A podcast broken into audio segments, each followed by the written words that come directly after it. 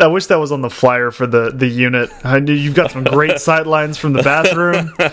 Straight out to where people park. Come in here, um, take a look at this.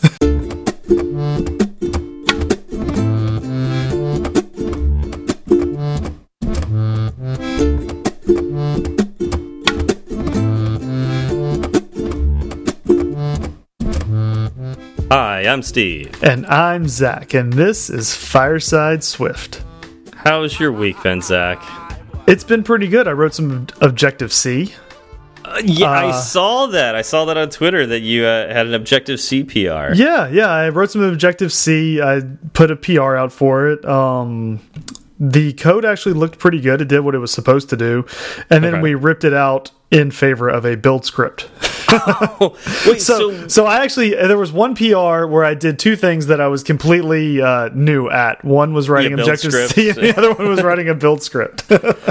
so I mean, and by were and by, by the way, by writing I meant searching Stack Overflow until I found exactly what I needed and slightly modifying it. Isn't that what we do these days? Um, Yes. yeah. So, uh, what what what did you need to do? Uh, unless you can't get into specifics, but what what did you need to do that required Objective C? And your app is like entirely Swift. I No, thought. no, it's it's um well it's mostly Swift. What I was doing was in the app delegate and it's an older app and so Gotcha. the app delegate still is still Objective C code.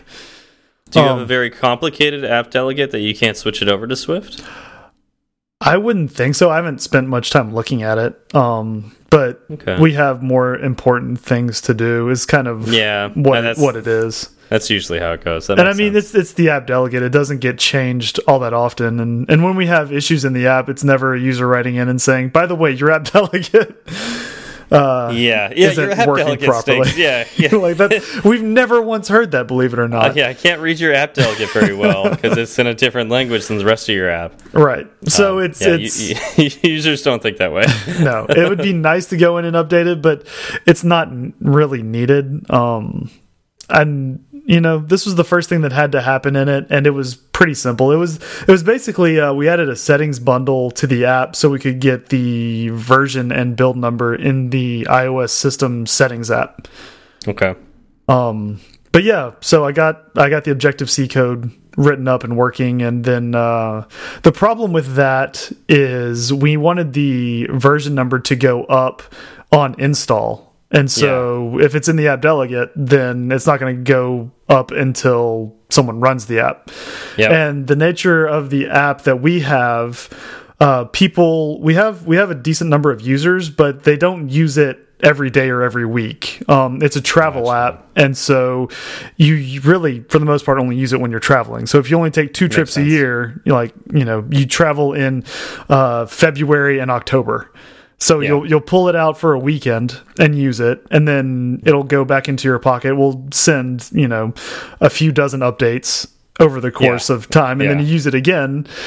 You know, we wanted that to to increment whether you were open the app or not. So That's kind of cool. And you could do that with the build script? I didn't know that. uh, I believe so. That's what it looks wait. like. That's what it looks like so far. We're gonna Did find you not out. test it? we we did test it, and again, testing can only get you so far. Um, yeah, I guess that's true. we have we have more users out there than there are testers internally at my company, uh, Yeah. and so we're gonna see. Um, Okay. Yeah. How about you? Um, I don't know if I mentioned this on a previous episode, but uh, I'm moving apartments. So my last week has been consumed with all the little things that need to get done, like you know, changing the billing for the utilities over to my name and getting internet scheduled, you know, to go in and scheduling the movers and you know all, all just the little things you know just collecting the keys and then you know moving stuff over as i can with my little car um yeah so that has just been my life and i'm kind of in the middle of it right now uh took a break to record the episode and uh after this episode i plan on moving some more and tomorrow the majority's getting moved so fun stuff Good luck with that. I uh, moving is is a pain. It's exciting, but it man, It it's is. a pain. It really is. And I remember after I moved to this apartment, I was like, I'm not moving again for a long time.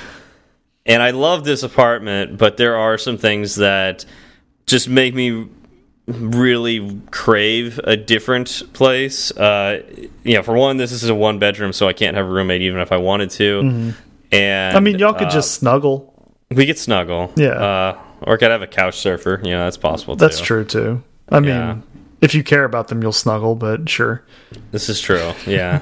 but I snuggle with Rocky, so that kind of limits that. Uh, true. Um, yeah. Uh, but uh, I think one of the biggest things is uh, the downside to the, my current apartment is that it doesn't have washer dryer in the unit, mm -hmm. and it's fine. It's there. The apartment complex has washers and dryers, but you know, yet because of that, now you're actively thinking about spending money every single time you wash your clothes. So you consolidate, and that causes issues. You can't just like run a load with like a shirt and a like like if I just work out that day and like throw like shirt and pants in there and it costs the same amount as doing a week load of laundry.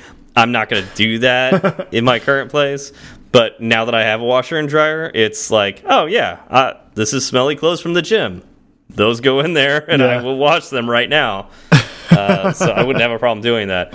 Uh, so that's that's probably one of the biggest things uh, that I'm I'm looking forward to, and uh, and I will be having a roommate uh, move in shortly. It was one of my pr previous roommates, so um, that'll be cool. You know, having somebody around to to hang out with, and mm -hmm. you know. I mean, I guess get, I guess if know. I'm not enough for you. Um, yeah, well, during these phone calls, trying to get you to move to California, but you say something about you know stuff like Texas is better and all that. And, I speak yeah, so. the truth. Yeah. So until uh, you realize the the actual truth, not what you think is the truth, uh, we'll just have to keep going this route. Do you yeah. do you take the red pill or the blue pill? I, I'm I, I don't take any pills. I I just enjoy like a good area to live in. Now, see, being from California, I, I that's startling to me. I mean, I can I can see if like if you if you live in Texas for too long, you would have to take some pills to you know cope. Um, that's why you're asking. I understand that. Um, but you know, if you moved out here, you would have you would be able to give that up. It would be see, fine. Like they, you wouldn't need those. Uh, I guess they're antidepressants. Is they shove they shove them in the brisket and then you, you cover it in barbecue sauce, and it's it's fine. I mean, maybe maybe brisket is an antidepressant. It may uh, it makes maybe. me happy. Yeah, because everybody out here is vegan, so exactly. oh, jeez. All right. Uh, speaking of moving. Uh, there is a large crash reporting framework out there that is sunsetting soon, and you may be thinking about moving where you are going to be doing your crash reporting. Uh, why not think about Sentry?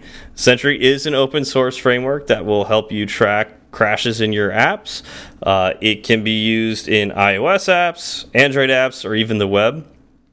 And uh, basically, what happens is if uh, your user using your app and uh, a crash occurs, you'll get an email letting you know that the crash occurred with a nice stack trace, so you can pinpoint exactly where things went wrong. And that's really important right zach? It's incredibly important. Um you know we we talked earlier about you know me messing around with my app delegate um and that that can cause issues uh you don't want your app delegate to to be broken in any sense of the uh word and having crash reporting helps me sleep better at night because I know that if I did it wrong, I'm going to know quickly and be able to get a fix out. Um, my QA team isn't necessarily large. Uh, we are a handful of people working on and testing on five or six devices. And if you know anything about the uh, iOS hardware ecosystem, you'll know that the number of devices out there that a user could be on is more than six.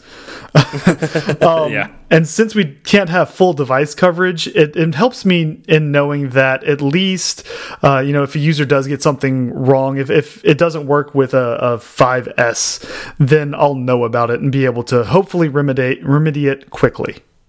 Yeah, yeah. And, you know, Sentry is free to start, but it also has a whole suite of premium features. Uh, those premium features are premium because they cost a little bit of money. Uh, so if you would like to dive into those premium features, you're more than welcome to use our promo code Fireside Swift, all one word, Fireside Swift. That'll get you $100 credit towards new accounts. Uh, just go to Sentry.io to take advantage of that. And we would like to thank Sentry again for supporting Fireside Swift. All right, so let's dive into some follow up because I know we got a few tweets this week. Uh, I think most of them were kind of funny. So let's kind of let's kind of dive into one that was a little funny. What do you, what do you got, Zach? Sure. So uh, at Adahan, that is two H's and an underscore at the end. Uh, sent a tweet out said, "Don't get me started on Fireside Swift song in 1.5x. Much much better than the original." So I remember um, that when uh, you know we we got this you know got the song from Golden Pipes. Uh, it was actually slower, yes, than what it is right now. And um, that was one of the things. Like I think both Zach, you and I both went like, you know, can you speed it up a little bit, or did he? He actually provided like a more sped up version, right? Right. Well, he he provided uh, four or five versions to us. Yeah, that's right. And I think one of them was sped up. Yeah, and, and it was like, yeah, we, we definitely like the sped up one better. So, you know, maybe if we just kept going, yeah, it's like maybe it would have been Keep, even better. Let's turn turn the dial up a little bit more. but yeah, I, I, don't know. I haven't really listened to it at 1.5x, um, so I'll have to try that. I, I would assume it sounds kind of chipmunky. I would I would think so too. Um, the funny thing is, a lot of people apparently listen to us at, at faster than normal speed, which I completely get. Um, hmm. Dan Corklia replied, "I find Steve on Fireside Swift increasingly good at 1.25x. Sounds almost normal." Congratulations, you sound almost normal when you're sped up by twenty five percent. Maybe that's what I need to do. Is just like you know how when um, you take like a, a, presentation class, you know, like a speech class. Oh God, I thought we were and, going to the segue already. Oh no no no! But like um, you know, in a speech class, and you get up in front. What's like the first thing that the instructor tells you to do? Slow down, because like you know, when you get in front of a group of people, you tend to talk really fast. Mm -hmm. So maybe that's what I need to do is like not consciously slow myself down, consciously speed myself up and I'll sound better. And you probably need to raise the pitch of your voice a little bit as well. No, that that's part of I it. can do that because if you uh, just speed up, that's not the full package. I can auto tune. Ooh, should we have an auto tuned episode? Then we should do that. Full auto tune. yeah, that'd be great put some beats behind it. Yes. yeah. Uh, but apparently, uh, Mr. McSwiftface has uh, also tried it at half speed, and we also sound hilarious there. So, so I mean, we're we're good slow, we're good fast. We we have a range. We're dynamic. Considering the last episode was the longest episode we ever had, sorry everyone. Really, really very sorry. We really got on a rant there. Yeah. Um, I do not recommend putting last episodes on last episode on half speed. I think that would be a little ridiculous. Um, probably, you're probably right. Um, yeah. At Amori Vila chimed in as well and said, "Also, when someone laughs, it sounds hilarious." Somebody told me this. Um, I guess it's it's particularly my laugh. I have a very um, I, I, don't know. Like my laugh is very recognizable, and so when I laugh when it's on a higher speed, apparently it's even worse. So um, you're welcome, I guess. oh, that's that's fantastic. The good news is we do a lot of laughing. We do. We have fun here. Uh, at Matt Kruckeberg. Did I say that right, or is this Kruckberg? Oh, you're, I'm I'm not Matt. You're gonna have to ask him. You have to speak for Matt. Is that is that right? Oh well, then if I get to speak, I'm going to say no because I want to put you on the spot. And I, I feel okay, like there's also good. a better chance of you getting it incorrect.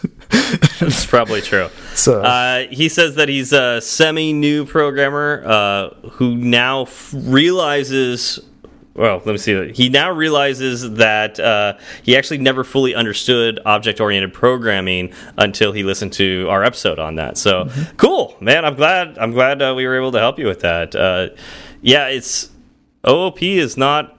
I mean, it is got its simple tenets, uh, but they get pretty deep when you really start exploring them. Uh, mm -hmm. So I learned a lot in that episode too, because remember, I don't do the research, so I just provide color commentary. exactly. Yeah this this whole show is for Steve's benefit actually. It's true. Yeah. It's true. I can't tell you how many times we do an episode and then like that next week somebody asks me about that thing. I'm like, "Oh yeah, we just did an episode on that." I know. I actually know the answer to that. You, so you come off looking smarter than you actually are. Is that what you're saying?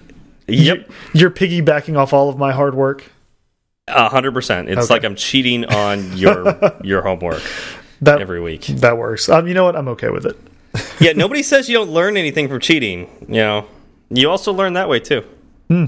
That's uh, something to keep in mind, I guess. Yeah. okay. Keep that in mind, kids. I want to give some context for the next bit of follow up. Um, so last episode, I gave just a really terrible example of a law, and I couldn't remember the name. I, my example had something to do with marbles and pockets. I don't know. It was late. I was tired. Um, and I, I, said, you know, I don't remember the name of this, uh, but I, I, figured Joe Cab would. Guess what? I was correct. Um, he tweeted at us and he sent a link for a Wik for a Wikipedia article for the law. It's called Parkinson's law, by the way. And Parkinson's law states that work expands so as to feel, fill the time available for its completion, which, according to Mr. McSwiftface, is how his fiance cleans the house. Ooh. I mean, he said that. We we didn't say that, so uh, he gets to get the blowback for that. Yeah. Um, but yeah, I remember we were. I mean, obviously we were talking about agile Scrum last week, so it makes sense that we were talking about the, especially with waterfall. You know, you get a set amount of work, and you let's say you could have gotten that done in a month, but you have three months to get it done. The work will expand to fill the available time, so it, will take you the three months to mm -hmm. actually get it done. Um, yeah. Okay. So I also during that episode, apparently, and I say apparently because I actually haven't gone back and listened to it, uh, but this has been confirmed to me uh, by Joe Cab and by uh, at least at least one other person on Twitter. I don't remember who. Um, and Zach, you also confirmed. I was that person on Twitter. um, last week, apparently, I said that one, two, four, eight, six, etc. was the Fibonacci sequence. I'm sorry, that is not the case at all. And what's funny is I do know the Fibonacci sequence, um, but uh, yeah, that. Uh, for some reason escaped me. Uh, but you basically the way the Fibonacci sequence works is you add the two numbers previously, uh, and that gives you the next in the sequence. So it'd be one, two, three, five, uh, eight, and then eight and five, 13, and then 21, I believe, is after that. Yeah, 21. You're doing live I, math. Yep, and that's that's as far as we would get in our planning poker would be 21. Anything over 21. Actually, if you call out of 21, you're you're basically saying that we didn't plan well enough. we need to break this down further. So, yep. Yep. Uh, so uh, Kilo uh, Loco also tweeted. So what he did, and I really appreciated. So if you're listening, Kilo, thank you. He uh, shared the episode of last week's episode in the tweet, and he uh, quoted and said, "You know when you're playing rugby which is, of course, a reference to your wonderful segue. I have wonderful segues. Mm. I agree. God, I know you love them every time, uh, and I could tell. I could tell by the amount of groaning I get from you when I lead into one of my segues. They they make me want to stick sharp pins in my ears. I mean, you said something about your eyes burning, which I think is they, really interesting. Again, yes, my eyes burn when it happens. It's not normal. you might want to go to a doctor to have that checked out. well, it only happens during your segues. I think I'm okay. All right, we'll have to go to the doctor together so uh, we can demonstrate this for the doctor watch, to see. Watch Steve do it. Steve do it. Ah! yeah, yeah, yeah, exactly. well, just wait, just wait. We're getting there.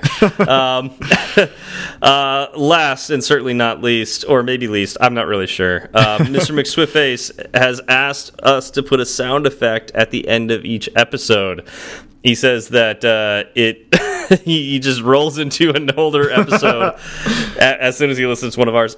That's not a that's a feature, not a bug, dude. Exactly. Like, Consider yourself lucky to listen to our entire backlog every week. yeah, but I actually, I, I, think that would be a good idea, though. Um, so, what I uh, would like is for maybe uh, some suggestions from the community. Uh, let us know what you think. Uh, we might maybe it's something we pull from the song. Uh, maybe it's something that uh, has to do with maybe Rocky or something like that. What, what do you want to hear at the end of our episodes? And we'll we'll see what I can do. Maybe it's like a sped up version of my laugh. I don't know. um, Perfect. yeah, we'll figure it out, and uh, I'll, I'll, I'll play with it and put something at the end of every mm -hmm. episode. Yep. Maybe maybe not next week because I'm moving and all that, but um, we'll we'll see in the future. Uh, I'll do, I'll add something.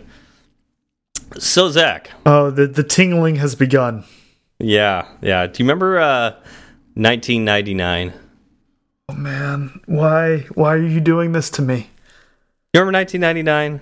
Um are you talking about the days of, of frosted tips and uh, JNCO jeans and the the wallets attached to the chains so they wouldn't get away? You're talking about those yeah. days, the the halcyon yeah. days of the late '90s. Yeah, yeah, it was good good days, mm -hmm. good days. Um, did you watch any movies during that time? Oh, I watched plenty of movies. Yeah. Um, do you remember this um, this one actor? Um, mm -hmm I think his name was Heath Ledger. He oh, was uh, solid man. He he was in his prime, right? Yeah, yeah. It was it yeah. was great. Yep. Yeah. Um, did you did you watch any movies that he did around that time? Um, let's and see. I, am trying to think. think oh, was, he was in um, what was it? There was that film adaptation of Taming the Shrew. What was that called? Um, no, I don't remember that one. I believe it was it was ten things I hate about you. Oh yeah, that one. Yes, that. how about no, that one? I don't remember that one. Wait, never mind. I do. That was that was an adaptation of Taming of the Shrew. That actually um, makes sense now that I think about it. yeah. Anyways, let's cover uh, ten things that uh, every coder should know. I mean, Heath Ledger covering Billy Shakespeare is just one of the best things. It's like one of the I, most late '90s things you could do. Yeah, it's it's something he'd like to do. That makes sense. yeah. Uh, yeah. So, anyways, we're going to cover ten things every coder should know, and this is thanks to um, Benji from the yes. LPC. So we're hoping uh, Lake Placid. I mean, it's got to be cold this time of year. yeah, the Lake Placid Club. Hopefully, uh, these episodes of Fireside Swift are keeping you warm. Yeah, yeah. So, uh, the way we did this um, is, and we also is Steve yeah, stuck to ten things, and I did not.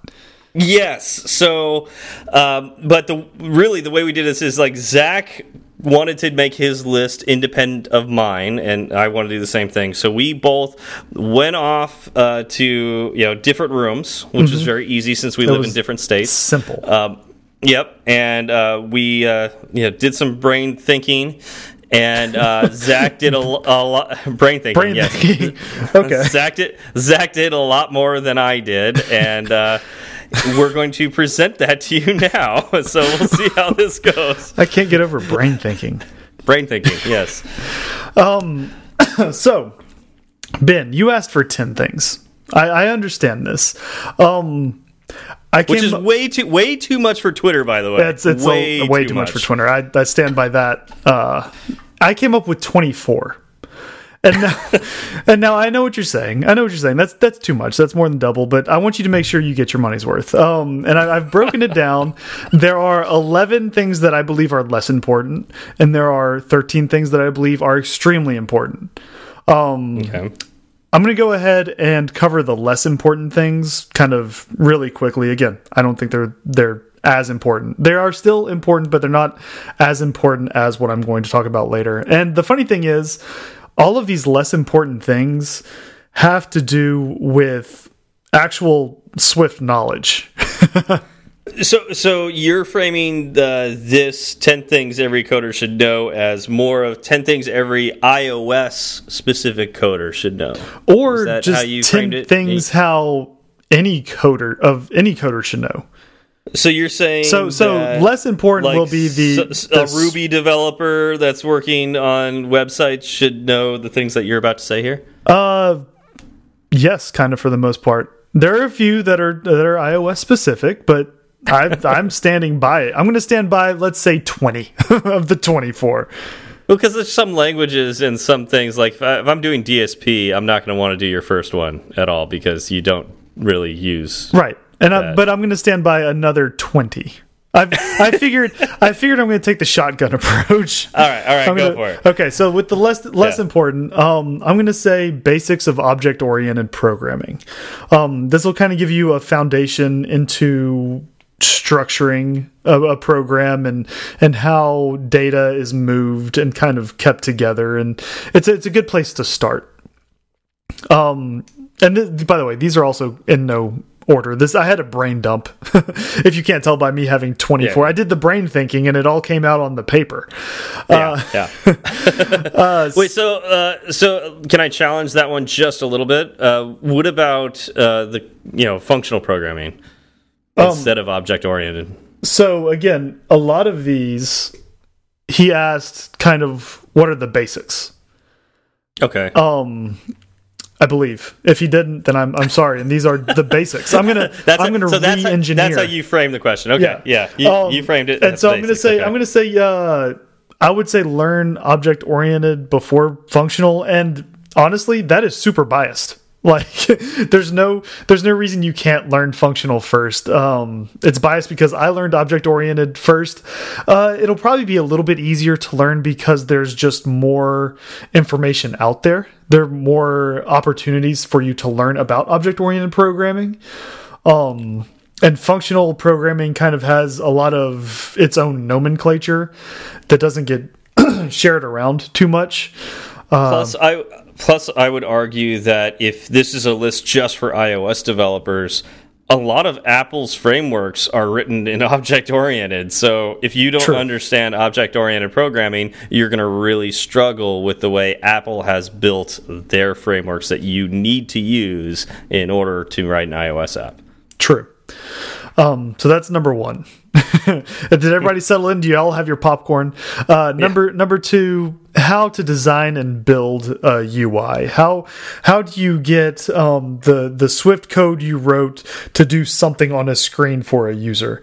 Um an app that is just pure Swift code with nothing happening on a screen, mm, it it you know might be interesting to the the programmer. It might solve an interesting problem, but a lot of these apps are are uh, interactive. That's kind of the idea behind an app. Um, I'm not saying you can't make an app that isn't interactive. I'm sure you could, uh, and it would actually be a pretty interesting constraint to place on yourself. Um, Yeah, yeah. It, you know, here's where I would challenge you again. What about people who write server code? In which case, you know, it is interactive, but it's interactive via like APIs or you Right. know, and and whatnot. Right, and again, I'm gonna go does back- Not have a UI. I'm going to keep going back to if you want basics, I would say you're probably not starting on the server. It it depends. When I uh, learned Swift? how to.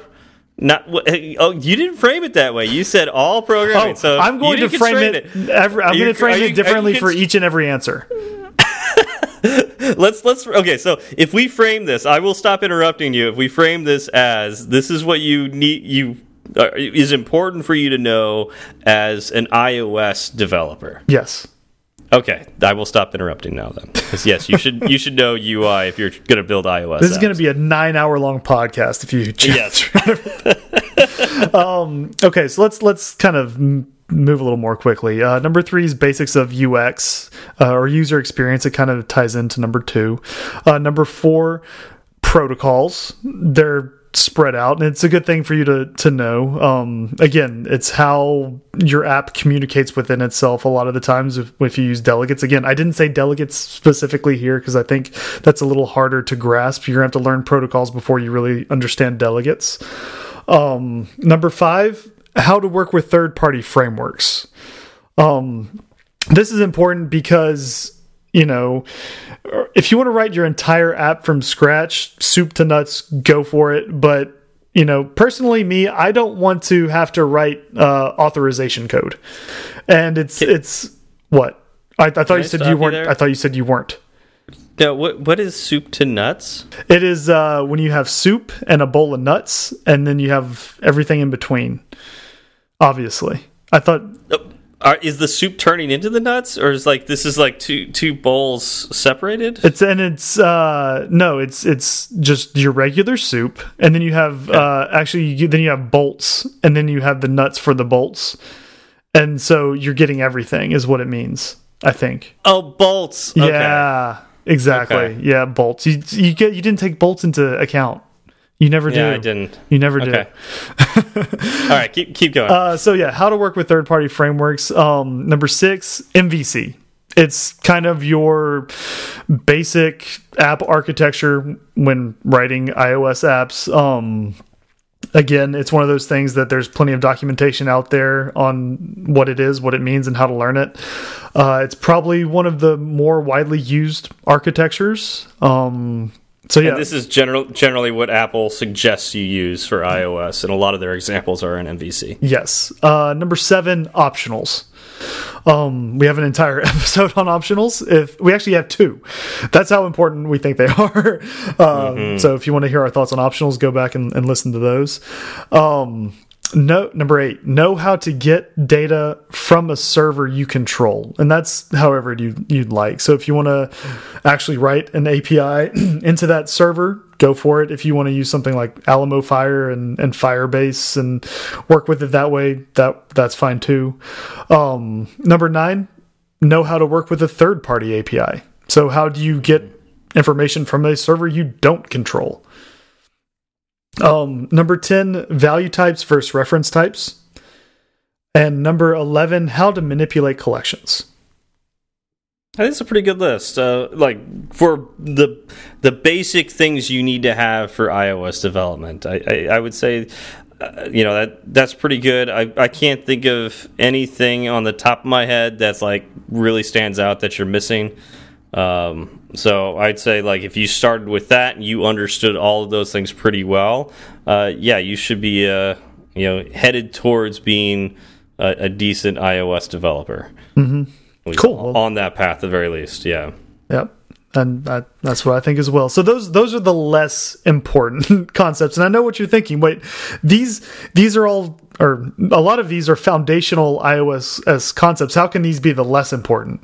Well, the more important or the extremely important, actually, to me, um, have to do with everything or a lot of things outside of, of your app and and kind of interpersonal relationships. And and maybe it's time to you know go to therapy. You, we'll talk to to Doctor Steve and Doctor Zach.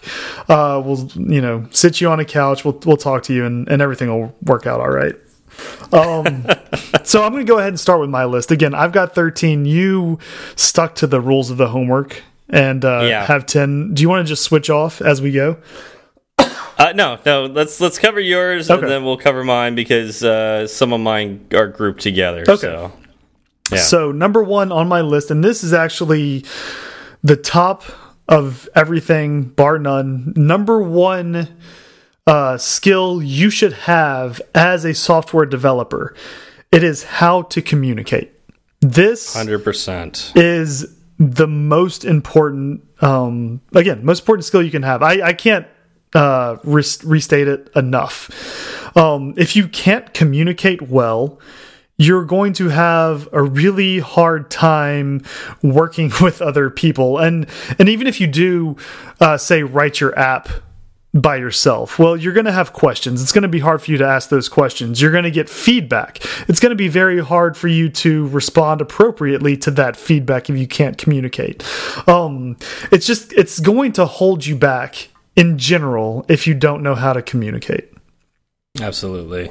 Yeah, that's that's the number one thing, and I, it's one of those things that I wish was emphasized more in school. And and communication is not necessarily uh, vocal, right? No. Um, how, how well can you type? Uh, you know, and not just like you know how fast can you type, but like how well can you write? You know, Yes. how how can you document what you've done? Uh, can you explain it to somebody else in any way?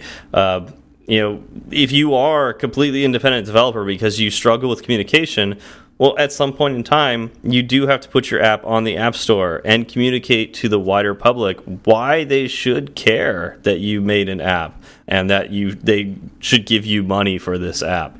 Um, that is part of communication as well. Indeed, it is. Uh, number two. And number two is kind of the reason why that first list is less important. Number two is how to learn. If you know how to learn, then you can check off everything in that first list. uh, yeah. If you you know, learning is the the foundation block that you build everything else from, and um, people learn in different ways. You're gonna have to figure out what works the best for you. Uh, you know, what works for me doesn't work for Steve, and vice versa, mm -hmm. and that's that's okay. Um, there's not one way to do it. So figure out what works for you and then go forth and learn. Um, yeah. and tied tied into that, my number three is where to find answers. Um, you're gonna you're gonna run up against some problems. It's part of part of the developing skill set. Um, you know, we, we talk about in our ad read for Sentry, uh, problems are going to happen. You're going to need to know how to fix those problems, and you won't always have the answers in your head. So you're going to need to know, like, who can I go to that has these answers that can reply to me? Or is it possible that these answers already exist somewhere and I just need to find them? Yeah. Yeah, like this is where you insert Google skills. like, like how how good are you at uh, searching the internet to find what you need to know? Mm -hmm. Exactly. Yep. Um, number four is what we do is hard and you need to stick it out.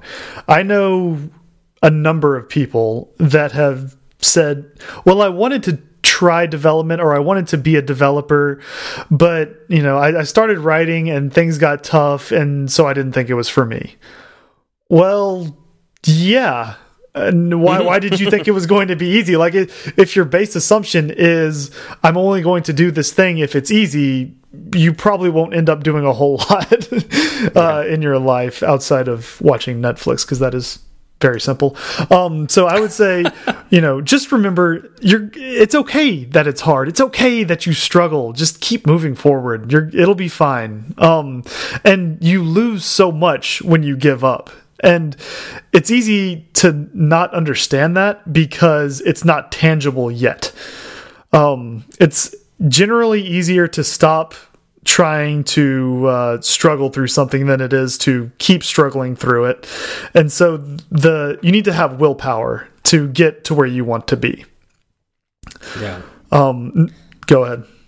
Uh, I was just say the uh, I, have met some very very smart people, people much smarter than I, that uh, could not stick with uh, being a you know iOS developer, and they wanted to do it. Uh, the one thing I had over them was my perseverance, my mm -hmm. not wanting to give up and work late at night to you know figure something out that they would have given up on, and that's how I got to where I am right now. Yep. Well, what's the saying? Hard work beats talent when talent doesn't work hard. That's good. I haven't heard That's, that before. I like that. Yep. uh, number five, no one knows everything. Um, kind of tying back into what we do is hard is it's very easy to feel like a, an imposter because you think everybody knows everything that you don't know. Yeah. Uh, it's a lot easier to see the flaws in yourself because you know everything that's happening inside your head as opposed to other people. And I'm going to freely say right now that, you know, I there are plenty of times when I feel like I'm an imposter. Like I, I shouldn't be doing what I'm doing right now, despite all of the validation that that's out there, right? Yeah. um, despite knowing, you know, a lot of what I need to know, I feel like because I don't know everything, sometimes that means I'm not good enough, and that's not true.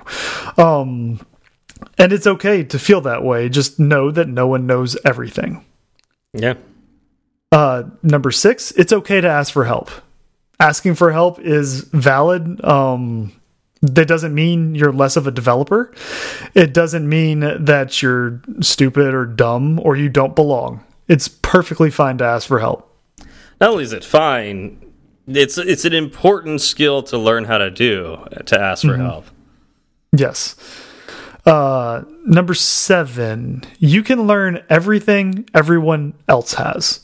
The people who you look up to, they don't necessarily have anything that you don't. I mean, if they have a higher IQ, fine, right? Like that that's something that you can't account for, but you can just work harder than they do.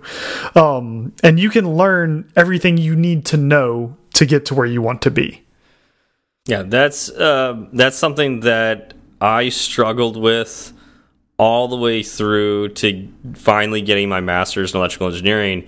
Um, when I was in some of those classes, it seemed impossible to truly grasp some of the, the topics and subjects. and there were some kids in the class that would just know it right away. Like they would oh. straight A's without trying.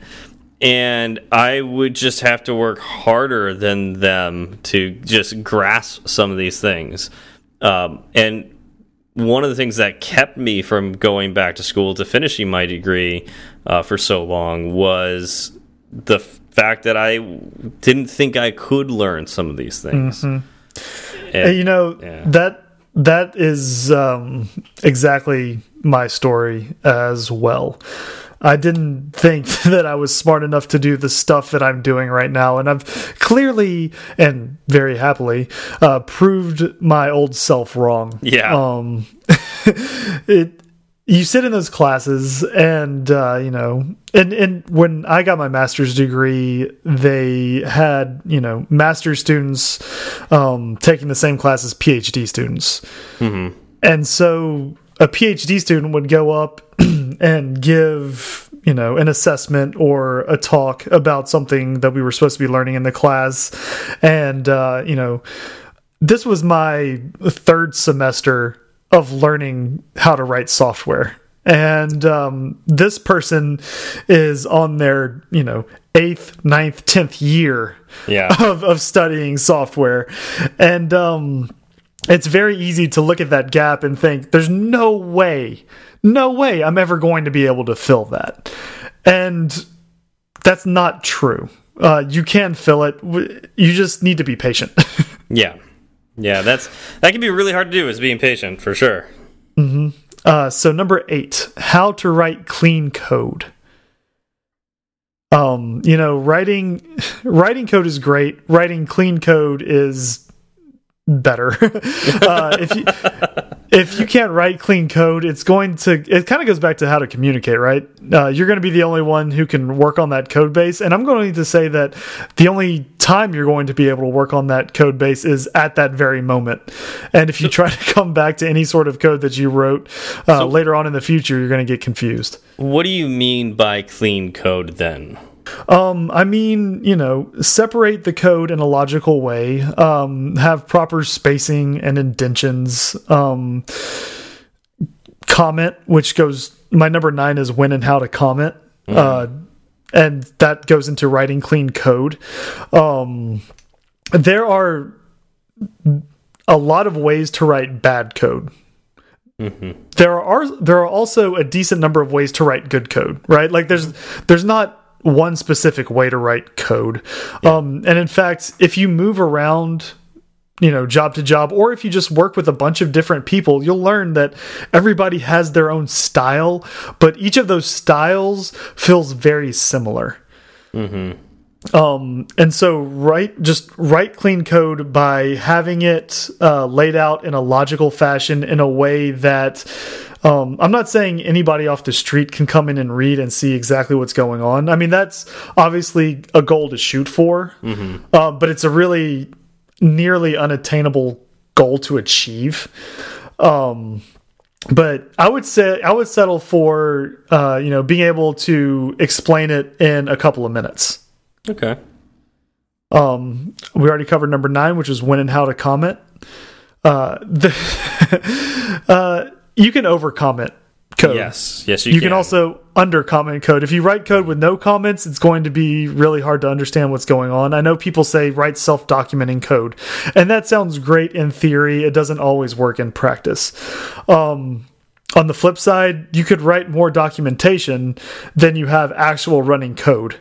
I've, I've seen that a lot. Yeah, and and that could be a sign that there's something else going wrong in your code. Like if you have to write a paragraph uh, or 10 lines of documentation to explain what a five line function is supposed to do, maybe take a look at that function a little more closely and see what you can do to kind of uh, make it a little more easy to understand. Yeah. Um, number 10 is how to provide feedback. Uh, this is really critical because, you know, as you mature, you're going to have people come to you with snippets of code and, and say, what am I supposed to do here? What do you think about this? Um, and you you want to be able to look at that code and easily communicate your your thoughts without kind of blowing those people off if it's terrible code or um, I guess gushing about it too much if it's good code, right? If it's good code, you don't want to make it you don't want to sound surprised that this person wrote good code. That's true. That's yeah. that doesn't make that person feel good. Um, if they wrote terrible code, I mean that that one's the easy one to understand. You don't want to just kind of crush their spirit. So this this kind of goes hand in hand with your number one, how to communicate. Yes. Uh, yeah, it does. Um, I mean, feedback, but you know, this is more specific because it has to do with the the code itself. Sure, uh, sure. And I thought it was important enough to call out separately. Okay. Um, number 11 is how to PR someone else's code. And this isn't necessarily the feedback. This is actually say, isn't, isn't that feedback? well, if you're going to if you're going to PR my code, I'm going to hand you a number of lines of code you need to read. Mm -hmm. Right?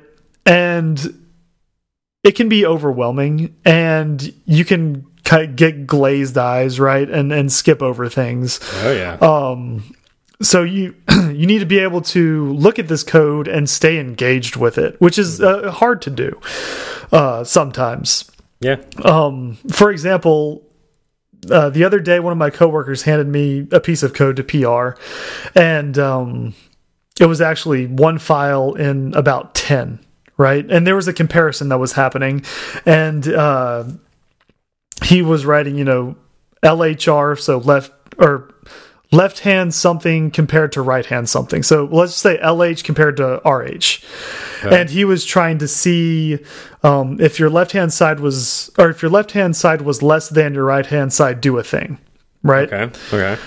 But the way he wrote the code was he was all he was checking left hand side is less than left hand side. Oh no and he went through the code and it was for three different pieces of this class or three different mm -hmm. attributes on this class.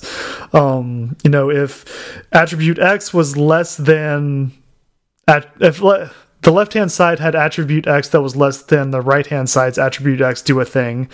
And then it did the same check for y and z right? Okay.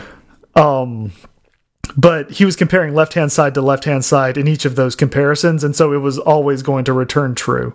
And this is you know he tested his code and it happened to work out in his test cases but you know, I had to sit there and look at it to actually see what was going on. And it's an it's an easy mistake to make. Yeah, it's just it's a single letter in three different places. Yep. completely changes how that code works. yeah, and sometimes you get tunnel vision when you're working on your own code, mm -hmm. and you you think you're doing it the right way, and you just totally went you know a different direction in this case really the problem is that the test wasn't fully exhaustive right right uh, there right. should have well, been tests written that should have shown that the other way would have worked right and it was buried inside a bunch of other logic mm -hmm. so it was hard to get to those test cases and completely understand what was going on so yep. being able to pr someone's code is very important okay um number I, am going to combine number 12 and 13 and it's it's how to ask questions and when to ask questions. Um, how to ask questions. Uh, you want to provide enough information in your question that the person can answer the question without giving too much information right? Like if if i was going to ask steve a question about mvc i wouldn't give him the history of MVC and then ask my question. Um, at the same time, I wouldn't just say, What is MVC? Yeah. Each of those uh, is wrong in either direction. You need to say, I'm having trouble with this aspect of MVC. Do you know um, what the answer could be? Or even better, do you know of a resource I could take a look at that'll help answer my question?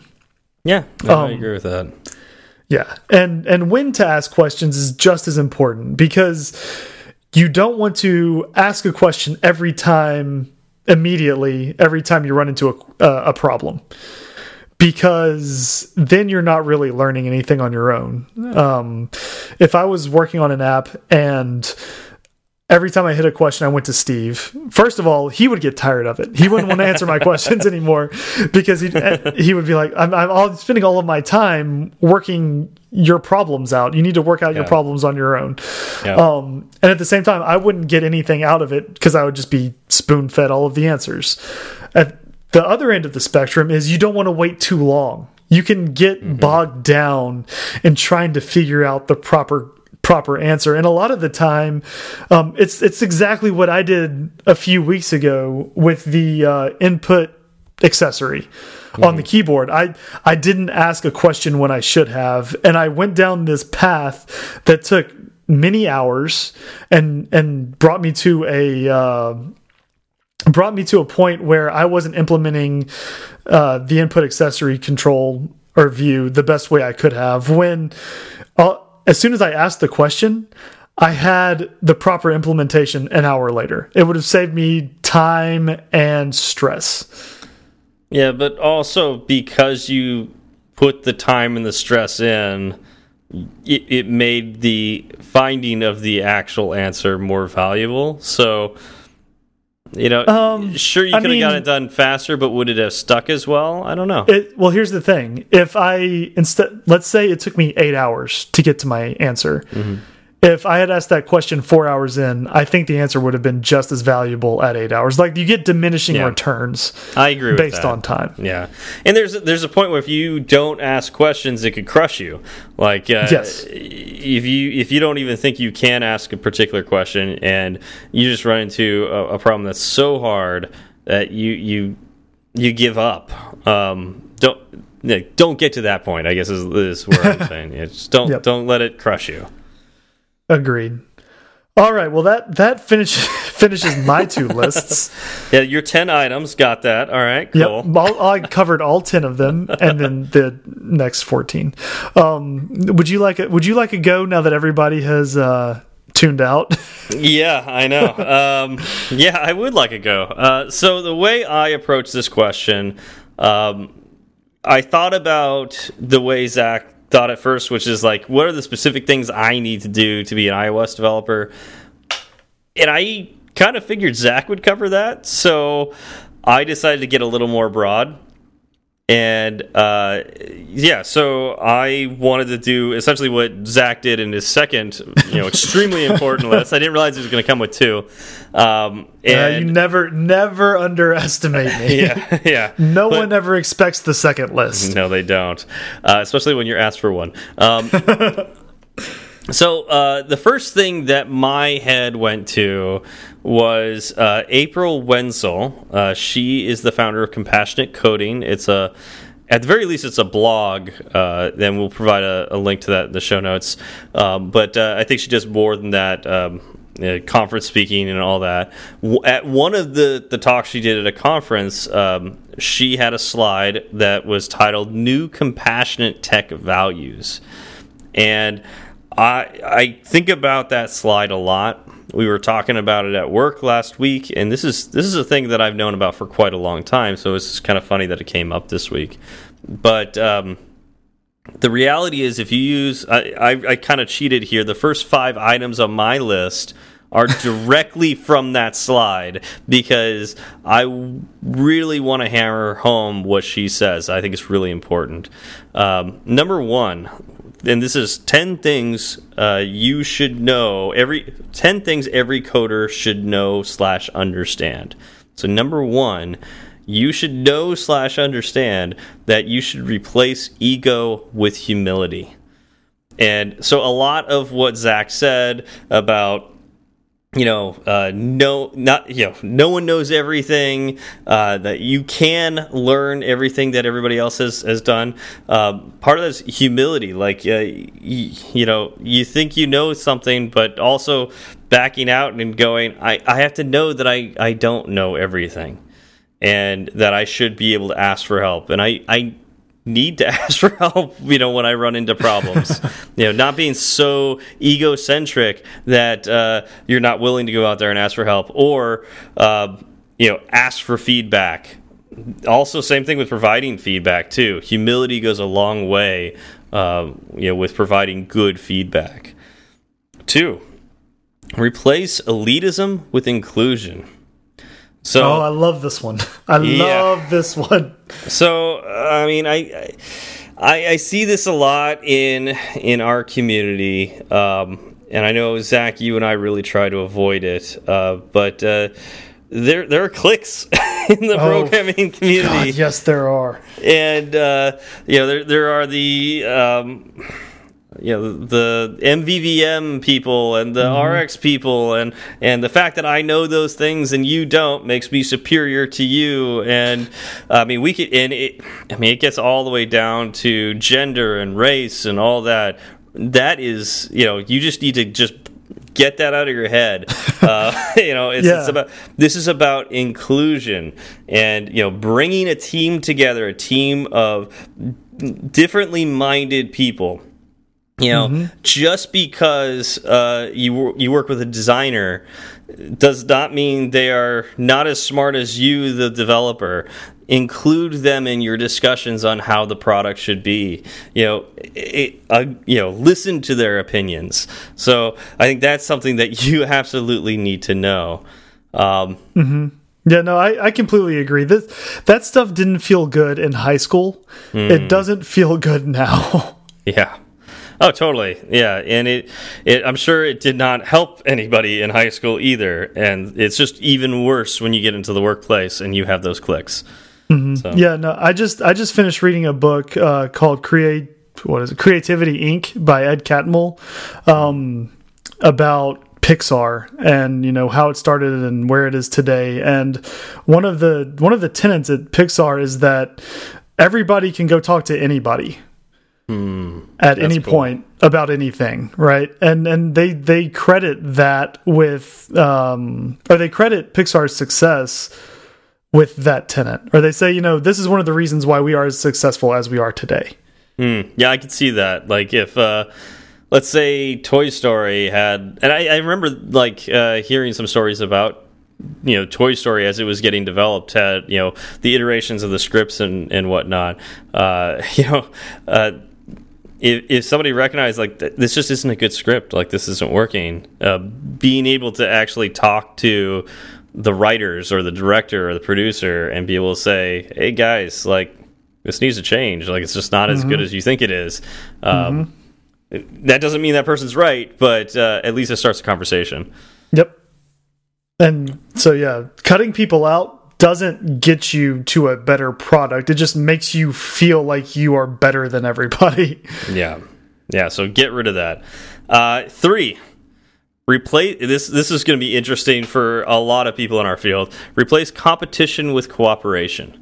So, uh, especially like in the the world of startups, uh, I mean, a lot of us developers are uh, you know pitted against other teams you know other other little uh, you know we talked about uh, different squads last week at least a little bit we touched on it. Um, that needs to go away. You need to cooperate with each other. That's how you can do so much better in this industry. Um, mm -hmm. and if you have that mindset you'll go much further as a developer. Yep Oh, real quick, I want to say mm -hmm. so. Uh, Creativity Inc. is by Ed Catmull with Amy Wallace. Don't want to leave her out. Oh, good. Yeah, and we'll put a link to that in the show notes as well. Uh, at least you know how to find it on Amazon. I guess would be the yeah. best place for that. Yeah, we'll, yeah, we'll, we'll put something like that on there. Mm -hmm. um, number four. Replace being smart, I'll put that in quotes, with learning. Okay. So and this kind of goes with you know no one knows everything and you know it's okay to ask for help and, and the other things that zach said. But um, you know just because you were called smart your entire life just because people call you smart now that you're a developer or you have a cs degree or whatever replace that in your life with you are always learning and you'll do much better in your life mm -hmm. as a developer. Yep. Well, I mean, if you if you feel like you're you're smart, then you also feel like you've already made it. Yeah. Um, and you don't need to grow anymore. And if you stop growing, guess what? Everyone's going to pass you up. Oh yeah. And then uh, this this is also uh, very much a startup thing for number five. Replace being a rock star with being a mentor. So don't idolize rock stars. They are not somebody, you know, not something to uh, I, I idolize, not something to aspire to. Um, they're not fun to work with. Um, be, you know, a find mentors and be a mentor. Mm -hmm. And um, the easiest way to be a mentor without explicitly, you know, having a mentor mentee relationship is live your life by example. Mm -hmm. So if you want others to do something to be a certain way, uh, do that yourself. You know, do uh, if you want clean code, always write clean code. you know, if if you if you want uh, like some of the other values that we talked about before, cooperation and uh, inclusion, make sure you include people. Make sure you cooperate with those other teams instead of competing against them. Um, make sure you're continuously learning. You know, uh, and and and then also, you know, if, if somebody who is um, a lesser skill comes in and asks you for help, take the time to help them. That's incredibly important. Uh, it's it's probably one of the most important things we can do with our skill is to help those who you know want to be like us. Mm -hmm. So yeah, definitely be a mentor if you can. So that covers all of April Wenzel's uh, items that she had on that slide, and I thought those were so important and that they are definitely things that you know part of definitely part of the 10 things that every coder should know slash understand. Um, so i want to make sure i got those out there. Um, so the next ones are ones that i came up with after that. Uh, number six and we already covered this know that you know very little and there will always be more to learn mm -hmm. so just having that knowledge and we already covered that so i'm not going to spend too much time on that uh, number seven Remember that you are paid to solve problems, not write code. That's a good one. I think that well, was even if you're not, one. Even if you're not paid, like if you're just yeah. a hobbyist, yeah, your your your main job is going to be to solve the problems and not write the code. Yeah, and I think that gets forgotten a lot in our field, um, and I think it's really hits hits home when you are paid for it because if you have a job as a developer oftentimes your boss will get mad at you when you're not typing, right? Like get upset with you if your butt's not in that seat and you're working late at night typing frantically typing away. Mm -hmm. that is not the job. No. You know, uh, if you are talking with your coworkers and trying to figure out the solution to a problem or searching you know reading documents and tutorials and you know uh, trying to figure out the solution to a problem that is just as valuable valuable if not more valuable than writing that code because uh, it, more lines of code does not equate better code in fact most people would argue the other way around uh, yeah, uh, our job as developers, as coders, is to figure out solutions to these problems through code, and it's it's much better to think about it. You're paid to think about these problems and, and solve them correctly instead of just writing code. Um, mm -hmm. Okay, uh, number eight. This is pers personal experience oh, I that like I've had. Too. Yeah. Um, and I, I, don't think you actually mentioned this at all in any of yours. So this is this is definitely new. Um, know that users will do the strangest things no matter how simple your app is. Mm -hmm. So you speak the truth. um, so I, I remember this this came up a lot when I was teaching C. Um, uh, as a I was a TA in school, and I, I would teach the labs. And there would be a particular project and uh, once the students were done they'd ask for me to to evaluate it i would um, you know go go by them and, and type some inputs uh, and uh, see if the app well, it wasn't called an app program. The program did what it was supposed to do, and if it did, and I liked what their code looked like, uh, they could you know they get full grade and they could leave the lab. And I was I I always told them, you know, get out of my lab. I don't want you to be a distraction. Um, so they were trying to get out early. Well, they'd get really mad at me when I would start throwing. I look. Oftentimes, this is how. And I was so sneaky with this. Uh, I would check you know check the the few things that I would normally check with everybody see if their code did what uh, it should do and then I would look at their code and if there was something I saw that they weren't catching I would then run their program again and then put in one of those edge cases that they didn't think of and break their app. And mm -hmm. well mm-hmm. program. And um, and I would say yeah what's going on there? And like but that's not what you know that wasn't in the instructions. I'm like yeah but you got to assume that users are going to do something really stupid and you have to account for it. And so uh, it doubly so when you are in the real world you know not in a lab um, with a, a, frustrating TA as your instructor uh, in the real world, your users will find all the bugs that you know you didn't think existed. They're going to do things that you never thought anybody would ever do. um, and you just have to recognize that that's that's the case. And obviously, you still want to strive for a simple UX, and you want to work with people that are really good at that and uh, help you get there. But even with the most simple UX or user experience, uh, things will go wrong. Indeed. Yeah. Do you have experience with that, Zach? Oh, all, I mean, yes, yes, with with a myriad of things all throughout my entire programming journey. Yeah. Uh, it's you know from being a student and you know watching other people run my code that I didn't think uh, was going to break to actually breaking other people's code, even though they thought they had good UX. To you know, working on the website, we get emails in and and we look at what the user says, and then we look at the the site. And then we go back to what the user says because we think we must have read that wrong. and then we go, no, that's what they said. And you go to the site and you think, but how, why would you? I mean, I, someone did. Someone yep. did. Yep. Um, so yeah, no, it's it's it's interesting, and it is a good thing to keep in mind. Yeah. All right, moving on. Uh, number nine.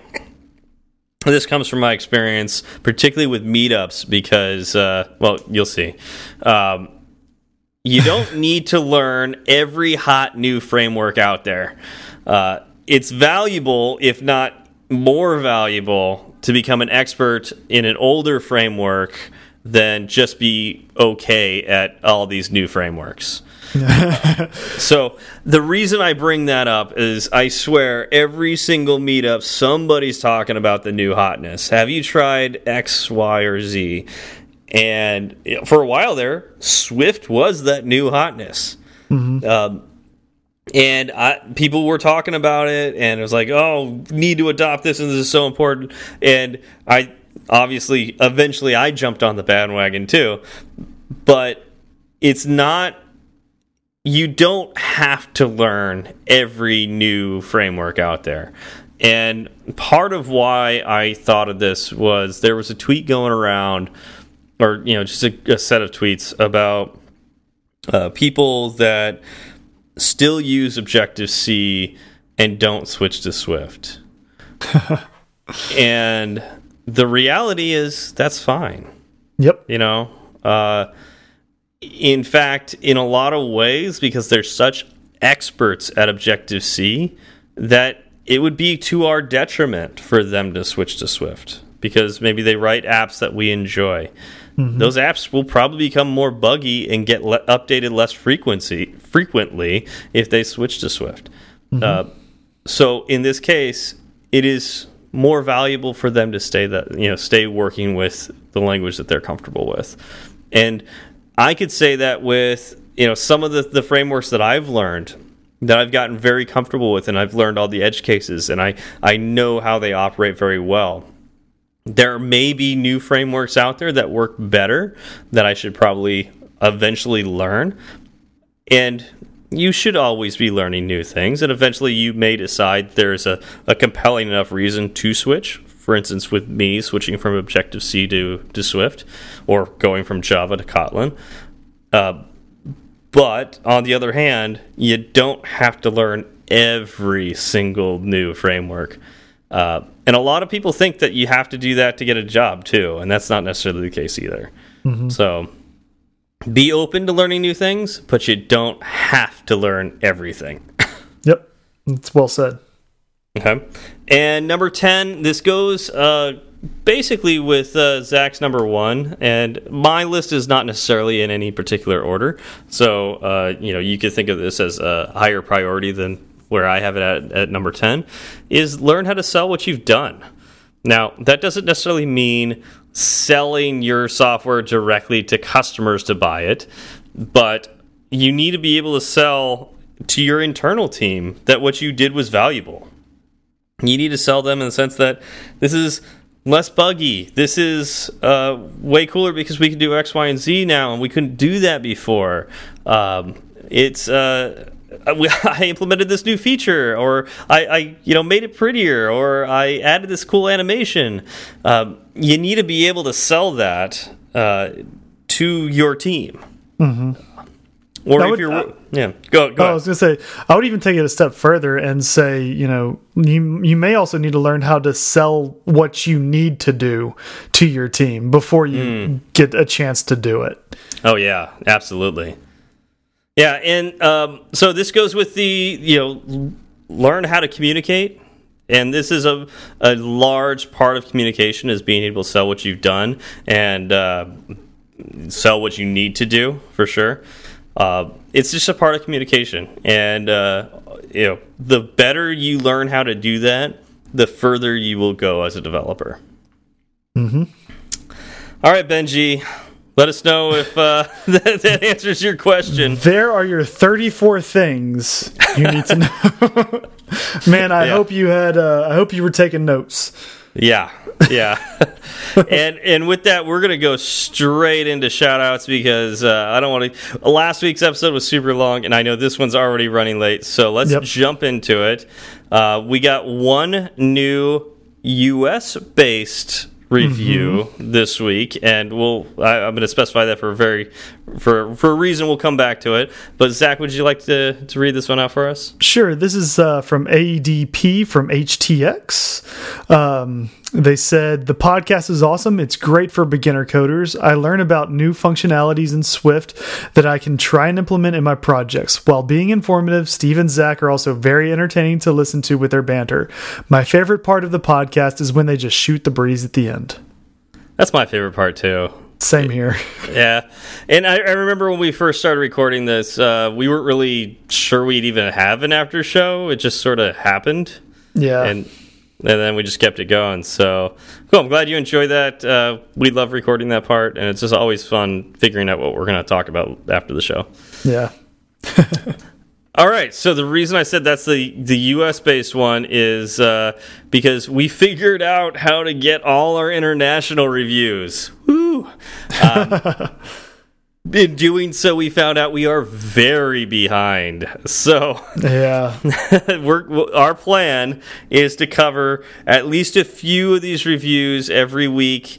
Um, and eventually we're going to catch up to you. So we're going to start with one from September of 2017. Taking um, you way back. Yeah, so this is Robert Petrus from Hungary. So um, hopefully uh, he ate something between then and now, and he's yeah. Uh, but anyways, Ooh, um, he says, and this is so. This is back when we first started. Uh, I found this podcast very informative and entertaining at the same time. Keep up the good work, mates. Cheers, Robert from Europe. So awesome. Thanks, Robert, and hopefully you kept listening. And I, man, I, I hope if you if you're still listening and you get this shout out, please let us know on Twitter. I'd love to hear from you. Yep. um, this one is this one is interesting. It's a it's a four star review from Nicer Diver in Russia, in again September of 2017, entitled "You guys are so bad." Cap, yeah, so is in capital letters. Yeah. Um, then the review reads, I enjoy it though. It's really the kind of show I want to learn from, except I can't because you're being so inaccurate in so many things. Keep the spirit. So I mean, gonna- it was 4 gonna- stars, so that's Yeah. cool. Um, I'm gonna guess we don't have nicer diver listening to us if, uh, if they can't listen to us because we're so inaccurate on so many things. but Nicer Um, Diver did enjoy it. Just enjoyed yeah. listening to us be wrong, I guess. Yeah, uh, I guess. I mean, we're we're a couple of years or a year and a half older and wiser, hopefully now. I would like to think we've gotten more accurate. Uh, it would not surprise me back in September of 2017 if some of our episodes had some inaccuracies in it. Uh, would Hmm. Yeah. not surprise me at all. Not, in not fact, even a I little bit. guarantee it. But uh, yeah, hopefully, uh, you know, uh, Nicer gives us a chance later. So. Sure. All right, uh, last but not least for this week, uh, we've got DRB66 from the UK. This is October of 2017. Um, as Dabbler and Swift 2 is also remote from the big cities, it's great to join a weekly chat about Swift and how to approach it. Zach and Steve are no professional podcasters. No offense, guys. None taken. It just adds to the charm of the episodes and the feeling that you are listening in on two guys chatting. Exactly what we're going for. Uh, this has now become one of my regular weekly shows, and I am currently binge listening through the back catalog. There wasn't much back then, so It was a lot easier to do back in October of 2017. uh, can you ever have too much Zach and Steve? Keep up the excellent work and never forget we aren't all CS majors playing with this code, so never be afraid to keep the bar low. And I know, I think even episode two, we brought the bar up a little bit with like reading code to people. Uh, so I'm sure that's what, what they're mentioning there. Um, but uh, thanks for the reviews, one and all. Um, sorry it took us this long to shout you out. We love all of you. We will get to all of you. And please do not stop letting us know how you feel and uh, let us know how to improve. yep, that sounds good. I can't think of anything more we need to cover. Can you think of anything more?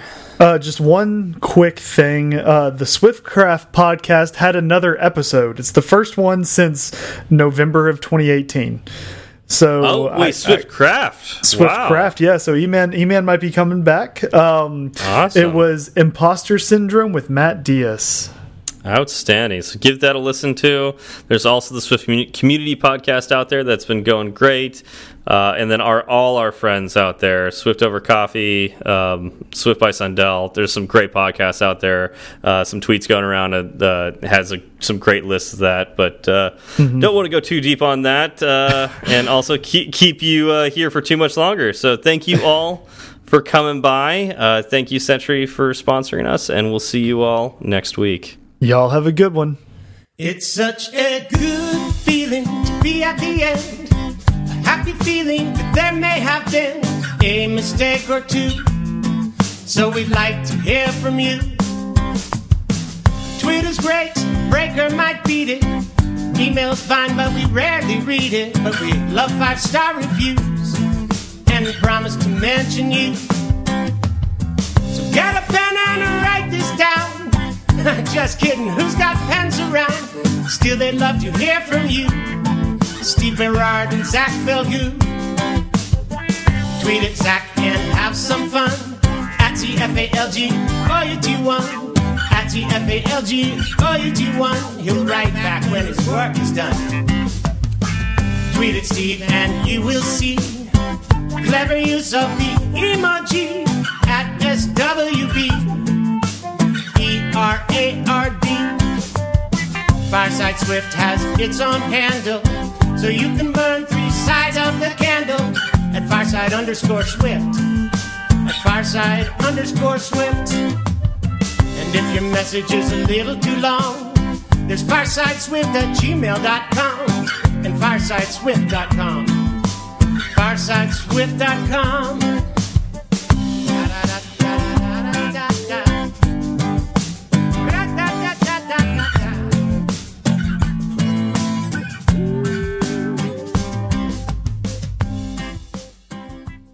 we had an event at work called LA is changing the game What's next in sports tech and content? Ooh, what is? Uh, can you tell me what's next in sports tech? Yeah, so it was actually it was really it was a cool event. Um, it was like network. The first hour was networking, and then these panelists got up and there was a panel and had like a, it was scheduled to be like an The panelists were on the panel. Yes they were on the panel Just making Yep. sure they were impaneled on the panel. yes yes they were impaneled on the panel Okay, good. um, and it was supposed to be scheduled for an hour long panel uh, they ended up going significantly longer than that i think it was like an hour and a half to hour 45 minutes or something like that uh, because people kept ha having questions and actually very interesting uh, and you know people and they had interesting to uh, interesting opinions. Uh, but uh, let me read off uh, some of the people that were on the panel. We had uh, Tim Greenberg, who is the chief community officer of the World Surf League. Oh, okay. We had Tucker Kain, the president of the Dodgers Business Enterprise. Okay.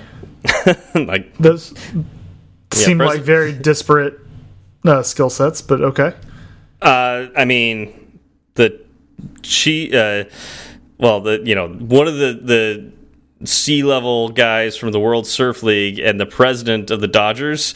Yeah. like uh, the business side of the Dodgers. That's that's already some big players. Yeah. Uh, Shawn Green, uh, the co-founder of Greenfly. Uh, he was uh, an MLB player. I think he was a pitcher. I don't remember. Um, Um, but yeah, you so a former baseball player. Uh, Nas, oh, I'm going to butcher her last name. Aletaha, Ali- Aletaha, maybe. Um, but uh, Nas is the head of esports partnerships at Riot Games. oh, okay. Yep. And then Ty Foster, VP of Brand Marketing uh, for the Art of Sport. Um, now he's the one I, I know the least about, um, but I know they do a lot of stuff with NBA, um, NBA uh, marketing. So some big big players in this field, and um, they were they covered a whole bunch of different questions on you know how they do marketing in today's age um, you know how, for instance like you know how do you reach millennials when uh, millennials tend to be more apt to switch uh, like you know, think about it like with with the Dodgers, right? Like you you want to get somebody like really into a team as a kid and be a fan for the rest of their lives, but it's less likely to happen now. Um, so how do you engage with them, or you know, try to get them to be more fan oriented in this day and age? I don't remember the answer right. to and it, And it was but- all uh what was it instagram influencers and marketing gurus But that, I mean, that was definitely brought up for sure. Um, Yeah. I know that uh, Tim from the uh, World Surf League said that most of their content now that they put on like their Instagram is filmed not by them; it's filmed by individuals out there. And he said, you know, part of that is you could surf at any time during the day, all around the world, right? right right and so the chances that they're going to have a film crew where you catch the best wave is so unlikely that you know it's it's got to be community driven and so Yeah, that's awesome. yeah the, they'll get con uh, you know content that's been filmed by you know somebody that's a fan of the World Surf League and they'll send it to the World Surf League or the World Surf League will find them and then they'll put you know they'll reserve it up on their account um, and give them attribution so uh, That's incredible. I wonder. I wonder, and I'm sure you could probably find this metric somewhere. Um, the total amount of money that has been poured into Instagram and Twitter influencers. I had a buddy who he doesn't work there now, but there was a startup here in Santa Monica that was geared towards like in just influencer marketing. And so it was like if you were a company, let's say you were Under Armour, right? mm-hmm. and you have a new sh shoe or a sh yeah, let's let's say it's a new shoe that you're putting out, and um, you could go to this company and you could say we want this demographic you know like we want uh, males in you know 18 to 25 uh, that have these kinds of this amount of followers and we want to pay x amount per post and this company would go to their influencers that they that are under their program program and say okay take take pictures with these Under Armour shoes they'll, we'll send them to you and each each uh, picture that you post on your your feed will pay you this much. Mm -hmm. Yeah, that's yeah. So it was really it was interesting. Uh, so I would imagine lots of money gets spent on yeah. that. yeah, that's so just so incredible. Well, I mean, again, have you have you have watched the uh, Fyre Festival docs? You know, I I haven't, um, and I have Hulu right now, so I sh probably should watch the Hulu version. Um, and then when I reactivate Netflix, I should watch that one. Especially since I work in events, like I really should watch what it's like to have a terrible event. Oh, it's yeah. so I watched the one on Netflix, and you know, a lot of their marketing was to go out and have these influencers. They had some of them come out to uh, the islands and they did a little video promo for it. Yeah. And then they reached out to people like Kendall Jenner and had her put um what just an orange square on her Instagram account. And they paid her, you know, tens of thousands or a hundred thousand dollars for the one post or something. And I can't remember the exact number. It was gaudy though. It was it was insane for, you know, yeah, a monochromatic uh, square of pixels on someone's phone. Actually, this reminds me. Yeah, like one of my friends out here, uh, he recently moved back to Seattle, I believe. That's where he moved to. Uh, but his wife actually was, um, I guess you could say, an Instagram model. Mm -hmm. And um, he said, yeah, they would just get free stuff all the time. And they could almost just live on the income of uh, these uh, these companies that would pay her to post fashion stuff on her her feed. I mean, it, you know, marketing groups are loving the fact that you know Instagram influencers exist, right? Because oh yeah, I mean, in the in the eighties, they would what uh, take out a newspaper ad, some magazine ads, a commercial or two, and some billboards. Billboards, yeah. And you just kind of hope that the right audience sees it. Yeah. Um, but now you can go out to someone who is more engaged or quote unquote engaged, yeah. who seems engaged to some. Um, yeah. And be able to have a more uh, specific scope for your message. Yeah. And it, it could in some ways be presented more authentically too Yes. And that's where it kind of scares me, where it seems authentic, but really isn't. Right. And that's why I said quote unquote engaged. yeah. But then again, podcasting um, podcasting is the same way, dude. Um, you yeah. know, uh, I I mean that's one of the reasons I I actually like podcast ads, ad reads more than like commercials on radio because I like hearing it from the podcaster themselves. You know, like uh, I like mm -hmm. listening to their voice and them say it, which in all reality probably is a little bit of a lie to me. You know, like it's, mm. but I don't know. Like, um, I still like it better than going from one voice to somebody else's voice that is like like in commercial where it's like you know you got a used yeah. car salesman talking to me now about buying a new car uh, i would mm -hmm. much rather be listening to a programming podcast and hear them talk about something that is programming related than mm -hmm. uh, you know something completely different yeah i agree um it's you know uh, I, don't, I don't even know how to how to explain it. Uh, you know, they're the jaded people who think all of advertising is a lie. Yeah, and you know, it feels like a lot of the advertising you see on TV is it's I mean it's all scripted, right? Yeah. And it, it a lot of it does come off as fake, and some of it I watch and I'm like, is this working?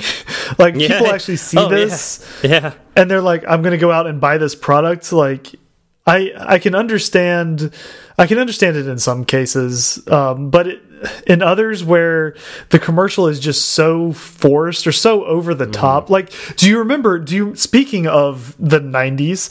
Uh, do you remember those Carl? Was it Har Carl's Jr. or Hardee's?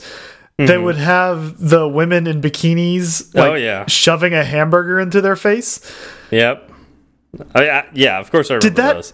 did that make people of course uh, i mean i figured you would uh did that it's memorable so maybe that's Yeah. the metric they're going on but i i still have never eaten at either a carl's jr or a Hardee so did it work Well, uh, Geico has been playing like their their past hits. Have you noticed this? Um, yes i've seen those and like one of the most popular Geico commercials, I'm going to guess based on the amount of times they've played it in the hits, you know, version of it, um, is that awful one with the the pig squealing. oh i hate that one It so much the most annoying commercial I think I've ever seen in my entire life. And yet, here it is. Like, not only did they overplay it back when it existed to begin with, they have brought it back to bring us all nightmares again. come on And- maxwell and they're overplaying it again. Oh, now it's super easy to overplay it because it is one time is too many times. Um, but I mean, it it does dr like I mean, it's it's like taking the fingerboard on the shock. shock or sorry, Yeah. well, fingernails The on the fingerboard chalkboard. on the Finger chalk. the board on the chalk. Yeah, no finger fingernails on the chalkboard. Just just they're scratching Oh, it's They're bad. scratching Geico into that chalkboard, but that chalkboard is in my head and I can't get it out anymore. So, in that sense, it has worked. I associate Geico with terrible things, but I know what Geico is. right uh, b- It's, i it's mean i guess what what makes it successful though like do you have geico insurance Well, it's if you didn't if you didn't know what Geico was that they sell insurance, then now you do. So that's the very basic level that you know that Geico is insurance. If I said Safeco, would you know that that's insurance? With- no If I said Farm Bureau, would I, would you know that that's insurance? So the the base uh, basis of an ad is just to get you to know that it's there, not necessarily to sell. I think I think the first step is awareness, right? Okay, That I can I can see that. Yep. something exists. And Yep. so when you are considering insurance, now Geico is on that list. Even if you think their commercials are terrible, you know that Geico sells insurance. But see, now I have, and I can't think of any off the top of my head, but I have seen commercials that I thought were so bad I would never buy a product from that company. Like the, the general. Oh, go to the general and save some time. That one. Yeah. Yeah. Every single one of their commercials has been terrible. Yes. Makes me think I definitely do not want to buy insurance from this company. again, yeah, exactly. like I know, I know that they exist, but I will never shop there. yeah. Just on on principle. Th that being said, if I knew somebody that couldn't get insurance anywhere else, I might recommend the General because sounds like that's their cup of tea. sure sure but again like those those carl's jr and Hardee's commercials again i thought Yeah. were just so over the top and strange like i didn't want to support either of those establishments yeah, and that, because i, I that didn't can happen. Um, but it- a, co- a controversial one recently that I didn't think was that controversial, but was to a lot of people was that uh, Gillette commercial. oh see that one? yeah where it's the best of man or whatever some about the best of man can get Yeah, I thought it was a great commercial and all that, but I, I honestly think that they lost some money with that, or well, maybe not. I don't know. I, maybe they because of that they actually gained money, but um, it certainly looked like there were quite a few people that were upset with it, and so I, I think it's possible to to turn people off with uh, a particular particular commercial. Um, yeah. Yeah, I mean it, it's true, and the I wonder if there's a uh, an algorithm out there that ad companies use that say we're okay with X percent of the population not liking this commercial because a lot of the chances are that they didn't shop here anyway, right? Yeah. Like, I guess if you Well, break it- it down, if you break it down, you're, you're going to have three groups. You're going to have a group that never shopped with your business.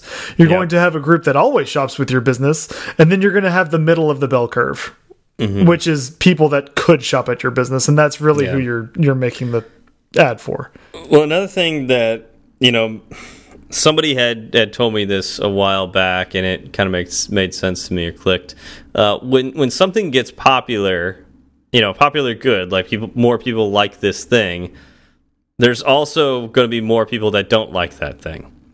So, like, think about the president, probably one mm-hmm. of the most well-known people in the United States. I'm not necessarily talking about our current president. I'm talking about just, the, office. president. Yeah, whoever is president Yeah. at the current time. Yeah, I can see this. You're going to have the most people who know this person and like this person. So to be like one of the most liked people on the planet. But they're also going to be one of the most hated people on the planet because the other half of the population is going to hate that person.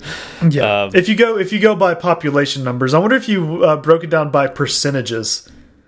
yeah. because you probably have people you know sitting on uh, death row who would probably have a higher percentage Possibly. of of dislike Yeah. Yeah. So um, it makes me think about us, right? Like, you know, I wonder how many people hate us because the more people that hate us means there's more people that love us. and the more people that love us there are more people that hate us and it's just this vicious cycle Vicious cycle. it's yeah. just until eventually everybody either loves us or hates us and there's no in between No in between. We want black and white. That's what we want. that's the world we live in uh, ding! That's for that's for mr Mc- mcswift face